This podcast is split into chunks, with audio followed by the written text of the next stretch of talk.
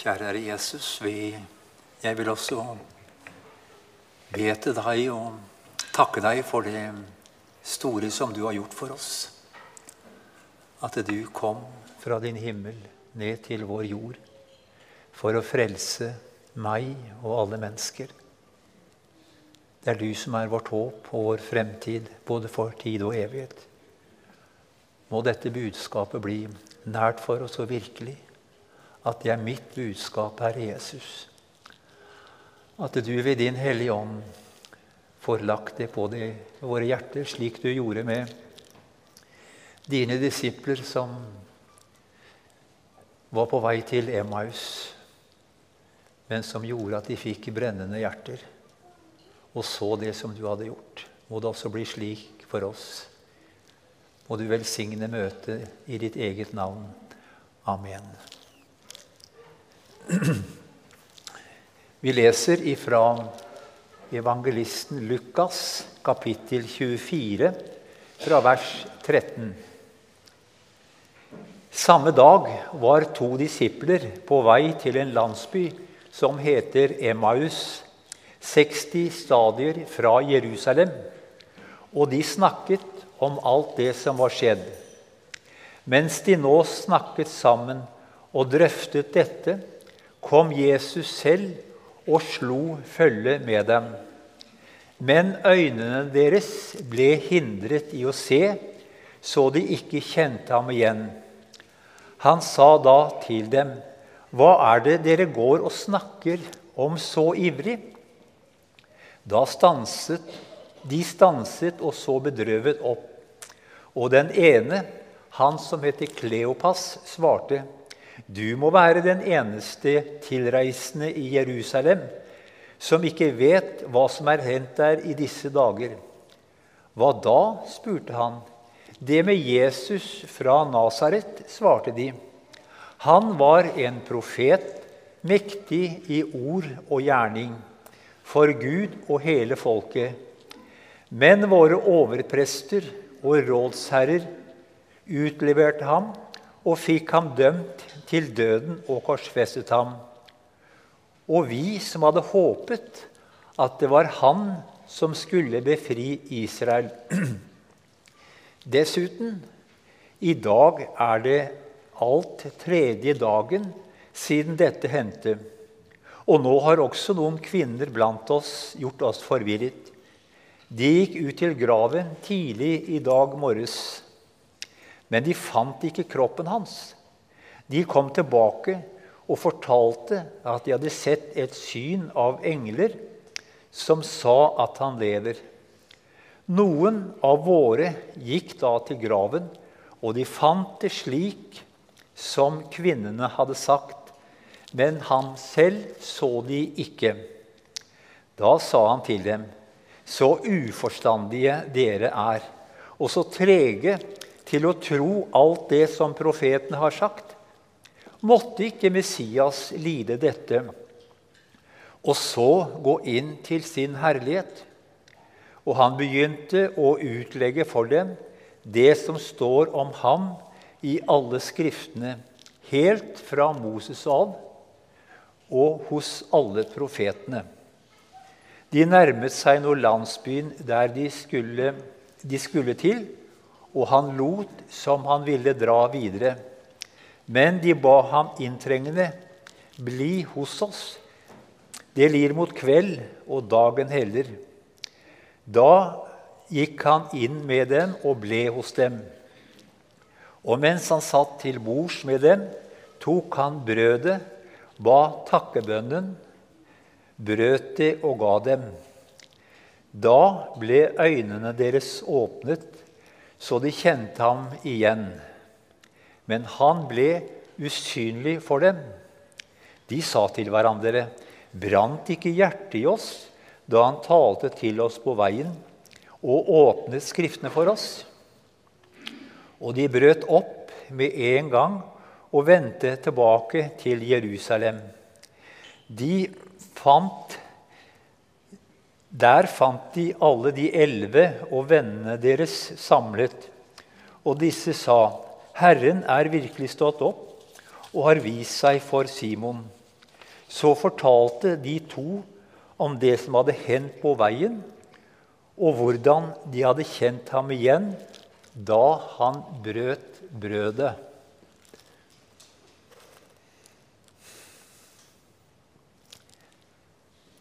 Ja, dette er en um, fin historie. Hvordan Jesus tar seg av to trette og motløse disipler. Han kommer og går sammen med dem. Og jeg tenker at denne historien har berøringspunkter inn i våre liv. At det, derfor er det også blitt en kjær historie for oss. For også i dag så tar Jesus seg av trette og motløse disipler. Han vil så gjerne komme til dem og være en medvandrer for dem.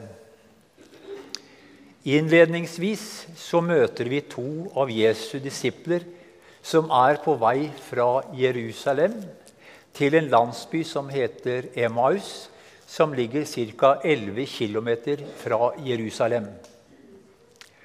For dem er påskens budskap fremdeles i mørket. De har ikke fått tak i hva det betydde for dem. Og da Jesus blir hengt på et kors og dør, er det en skikkelig nedtur for dem. Deres tro på Jesus som Messias har fått et alvorlig skudd for baugen. Alle deres forventninger og tanker om Guds rike, som skulle stå fram med makt og storhet i verden, var med Jesu død lagt ettertrykkelig i grus. Og vi kan på en måte si at det var egentlig godt at det gikk slik for de. Det er godt for oss hedninger i dag, i vår tid, at Guds rike det er av en annen størrelse enn hans disipler der og da tenkte. At Guds rike gjennom Israel skulle stå fram som en stormakt, ytre sett, en politisk størrelse. For vi hedninger var jo også regnet med i Guds frelsesplan.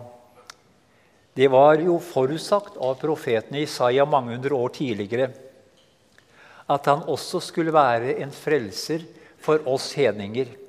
Og Vi kan jo bare minne om det som står i kapittel 49 hos Jesaja.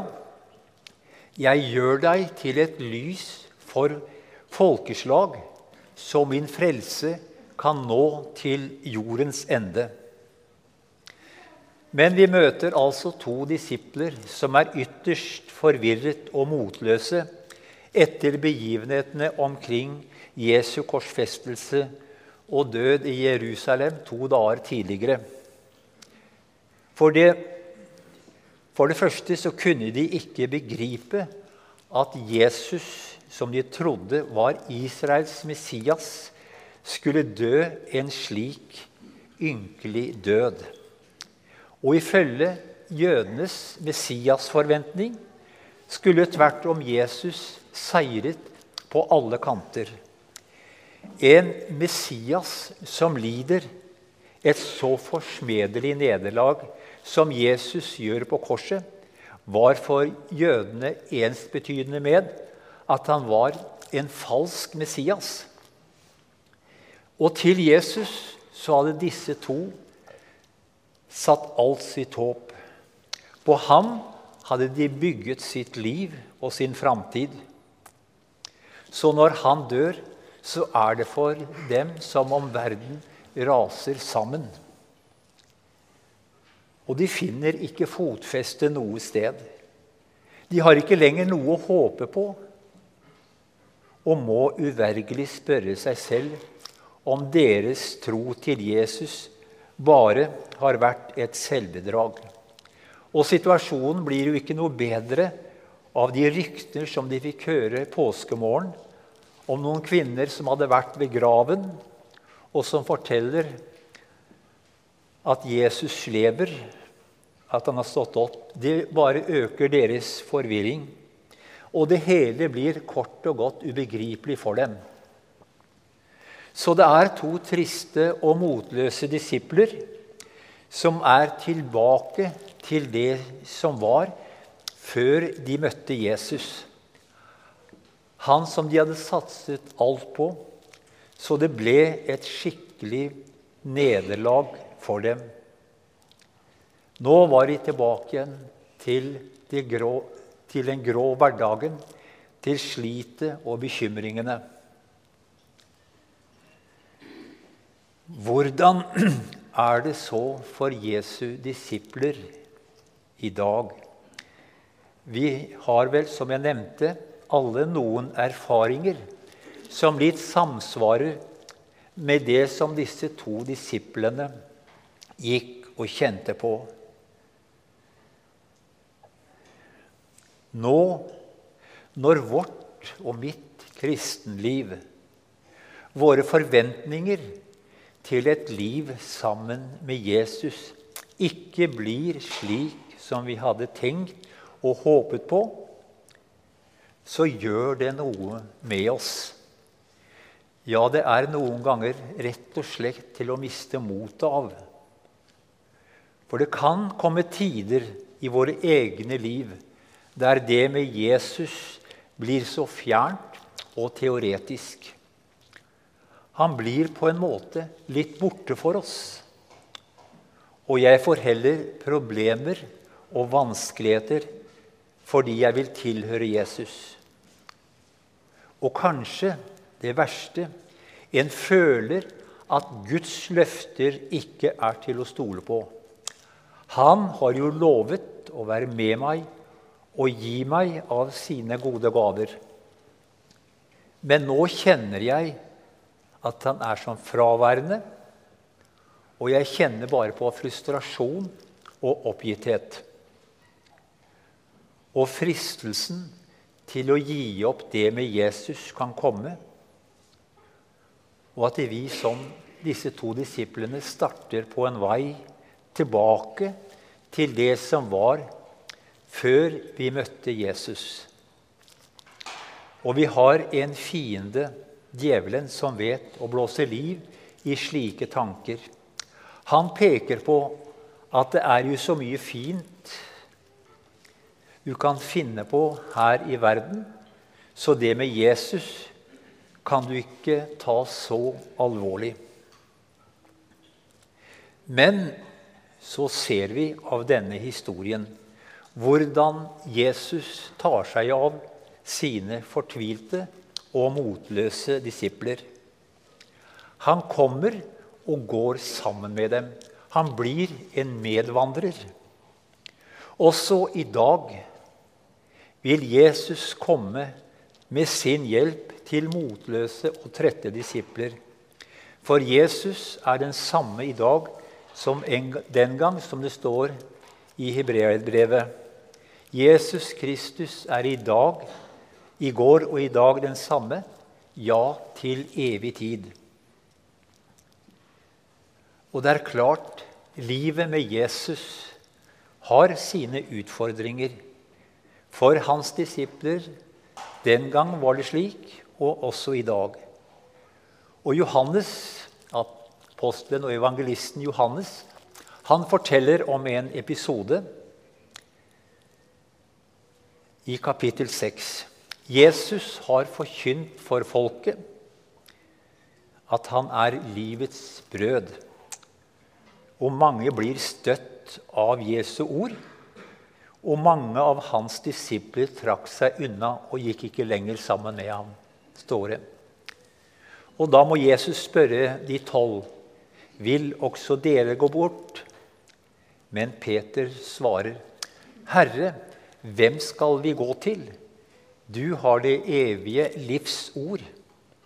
Og vi tror og vet at du er Guds hellige.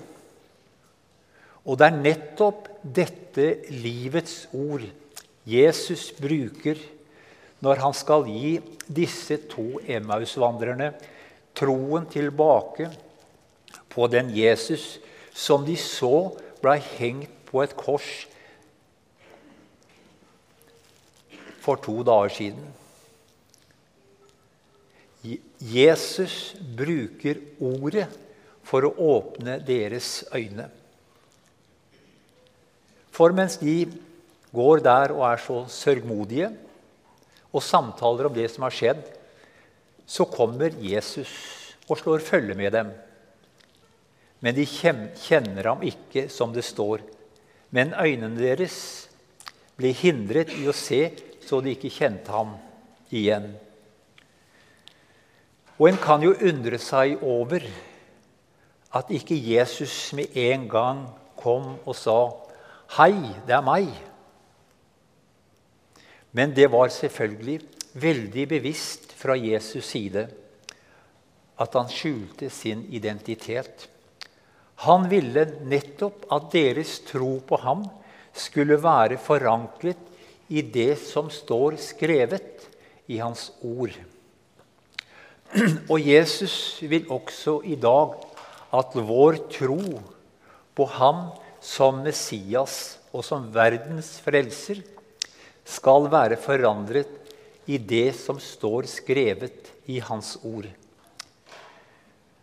Følbare opplevelser og gudsnærvær i våre liv, det skal vi være takknemlige for. Men vår tro må ha et sterkere fundament enn opplevelser, for de kan være så forskjellige, og de kan også være fraværende. Men i Ordet har Gud lovet å møte oss og skape tro og tillit. Det gir en sikker forankring for vår tro. Derfor så begynner Jesus å forklare for dem hvordan det henger sammen. Han trekker fram den røde tråden som går fra første Mosbok og gjennom alle profetene. Det som er skrevet om ham. Og han bebreider dem innledningsvis at de ikke har forstått det som er skrevet. Han sier jo at det, så uforstandige dere er, og så trege til å tro alt det som profetene har sagt. Måtte ikke Messias lide dette og så gå inn til sin herlighet? Det var jo litt underlig at, de, at ikke det med Jesus som Messias At eh, hans lidelse og død, som var forutsagt i Skriftene, at det var så fjernt for dem. Og Jesus hadde jo flere ganger sagt at han skulle lide og dø og stå opp igjen den tredje dag. Dette hadde han sagt flere ganger til dem. Det hadde han vært veldig tydelig på. Og de kjente jo det som står i profeten Jesaja i kapittel 53. Men han ble såret for våre lovbrudd, knust for våre synder. Straffen lå på ham, vi fikk fred. Ved hans sår ble vi helbredet. Dette kjente de jo godt til. Men det hadde ikke gått inn hos dem. De hadde ikke forstått det. Så derfor så holder Jesus en bibeltime for dem. Han forklarer det som er skrevet i Skriftene, helt fra Moses av og hos alle profetene. Og da begynte det å gå opp for dem hvordan det hang sammen. Som de sier, brant ikke hjertet i oss da han talte til oss på veien og åpnet Skriftene for oss? Og jeg synes det er så fint og trosstyrkende, det de sier, at de fikk brennende hjerter når Jesus forklarte ordet for dem. Det var ved ordet Jesus Og det var ordet ved Jesu veiledning som var kilden til deres nye og utvidede forståelse. Og siste gangen Jesus var sammen med sine disipler før sin død, så lovte han at han ville sende en annen talsmann, Den hellige ånd, som nettopp skulle være med og forklare ordet om ham for hans disipler etter at han var gått tilbake til sin far i himmelen.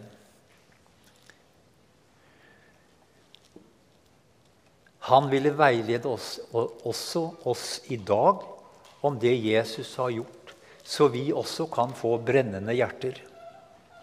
At, så det blir vår trygghet og vår glede, det Gud har gjort for oss gjennom sin sønn Jesus Kristus. At Jesu død og oppstandelse, det er blitt min og din redning. Så det kan ikke understrekes sterkt nok hvor livsnødvendig det er for oss å bruke nettopp Guds ord. Da skapes det brennende hjerter også hos meg og deg, og vi kan istemme med salmisten. Dette er dagen som Herren har gjort. La oss juble og glede oss på den. Vi skal også merke oss hvor tydelig Jesus understreker at det som Jesus At Jesus som Guds Messias, det som han måtte gjøre, det var etter Skriftene. Det var Guds plan fra evighet av. Og det var forutsagt nettopp av Moses og alle profetene.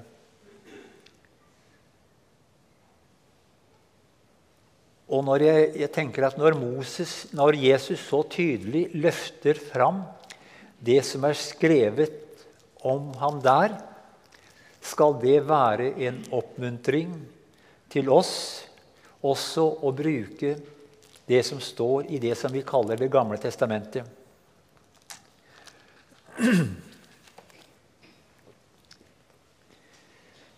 I går så leste vi noe fra Korinterbrevet kapittel 15. Og Der skriver Paulus nettopp noe om dette når han skal forklare om det med Jesus.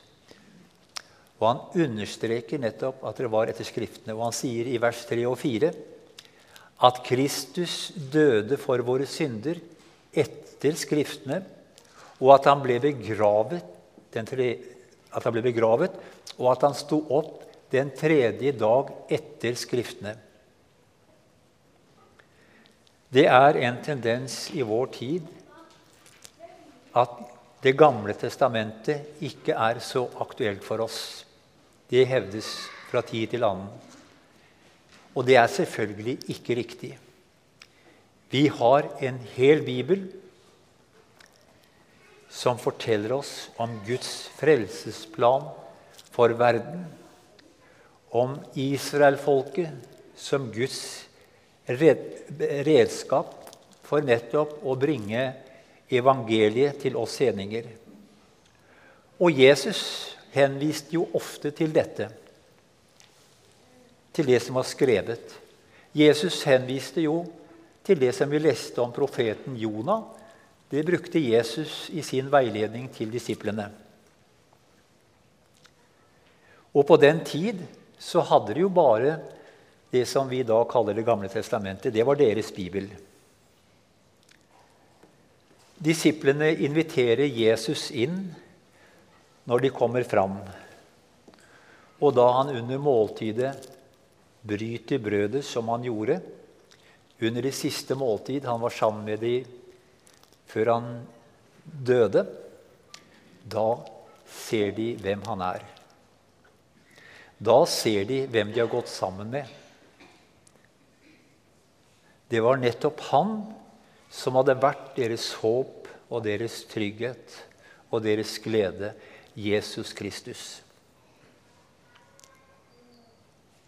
Nå var han her. Døden hadde ikke kunnet holde på ham. Gjenkjennelsen ved måltidet minner oss om at Jesus også i dag vil møte oss i nattverdens måltid i brød og vin et nådemiddel som også er med på å styrke vår tro og åpenbare påskens budskap for våre hjerter. Hans seier over døden og hans fantastiske fremtidsplan for oss. Fra nå av begynte et nytt liv for disiplene. Kort tid etter er de å finne på gatene i Jerusalem, der de forkynte de dødes oppstandelse, fordi Jesus hadde stått opp. Da, da de fikk beskjed om å ikke si noe mer om denne Jesus, som de mente hadde stått opp fra de døde, var svaret klart. Vi kan ikke la være å tale om det vi har sett og hørt. Må det være vår bønn også, at vi ikke kan la være å tale om det vi har sett og hørt. Amen. Ære være Faderen og Sønnen og Den hellige ånd, som var, er og være skal, en sann Gud, høylovet i evighet. Amen.